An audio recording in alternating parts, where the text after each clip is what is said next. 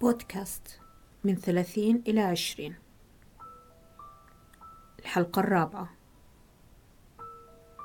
صح مية بالمية غلط. تعرفوا طول الوقت بنقرأ أو بتمر علينا العبارات اللي بتبدأ بعلمتني الحياة. صح؟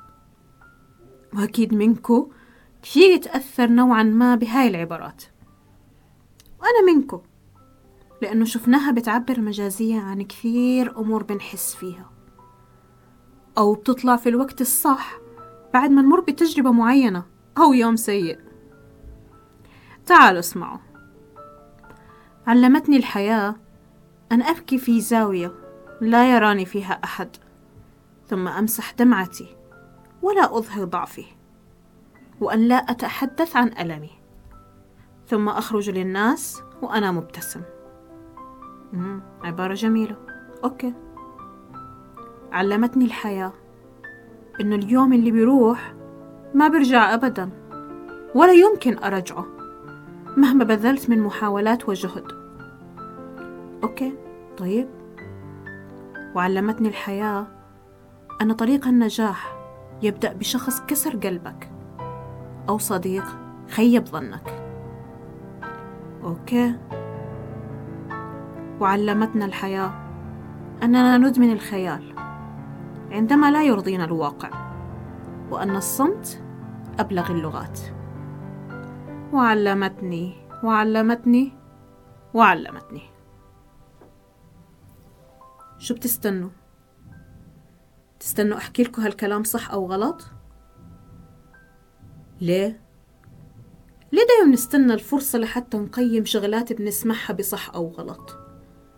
هاي العبارات ما طلعت وانتشرت إلا من أشخاص مروا بتجربة معينة ونتائج هالتجربة تلخصت بعبارة أنا متأكدة أنه كل واحد منا عنده عباراته الخاصة فيه وبيذكر حاله فيها من فترة للتانية إحنا مش عايشين بعالم مثالي للأسف بالعكس حياتنا مليانة أقنعة وشوية وجوه.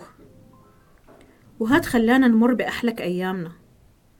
ونحس بكمية خذلان من كل اللي حوالينا. لهيك مين إحنا لنقيم خلاصة تجربة حدا فينا؟ الصح عندي يمكن يكون غلط عندكم والصح عندكم يمكن يكون غلط عندي. لهيك مش من حقنا نتفه تجربة حدا فينا. بس برضه مش معناته نطبق خلاصة هاي التجارب وكل شيء نسمعه بحذافيره.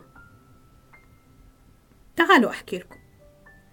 لو أرجع لورا لعمركم وأقرأ نفس العبارة علمتني الحياة أن أبكي في زاوية لا يراني فيها أحد وأمسح دمعتي وأن لا أظهر ضعفي وأن لا أتحدث عن ألمي ثم أخرج للناس وأنا مبتسم. راح أحكي لكم فيها نسبة غلط. بعمري راح تكتشفوا إنه البكا بحضن أبوكوا وأمكوا مش غلط. وإنه لو أظهرتوا ضعفكوا لأختكوا أو أخوكوا مش غلط. وإنه لو تكلمتوا عن ألمكوا لأصحابكوا الصح مش غلط. ولا تقولوا اليوم اللي بيروح ما بيرجع مهما حاولتوا لأنه كمان فيها هالعبارة نسبة غلط. أنتوا ممكن تكرروا أيامكم وتخلوها أجمل وذات معنى أقوى. ولا تقنعوني إنه الصمت أبلغ اللغات لأنه الكبت مرض. واسألوني عنه الله يجيركم منه. لهيك تكلموا وفضفضوا للناس الصح. الناس اللي ما راح تضركم. عبروا عن اللي جواتكم ولا تسمحوا لحدا يهزم روحكم.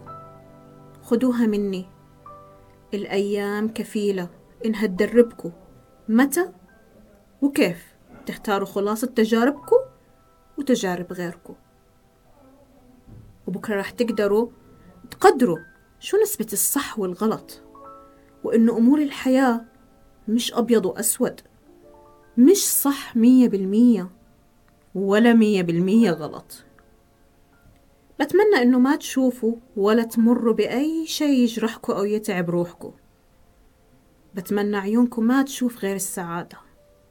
وخلاصة حياتكم تكون بس خلاصة حب وفرح ورضا. بتمنى السلام والأمان لقلوبكم. مع حبي. سناء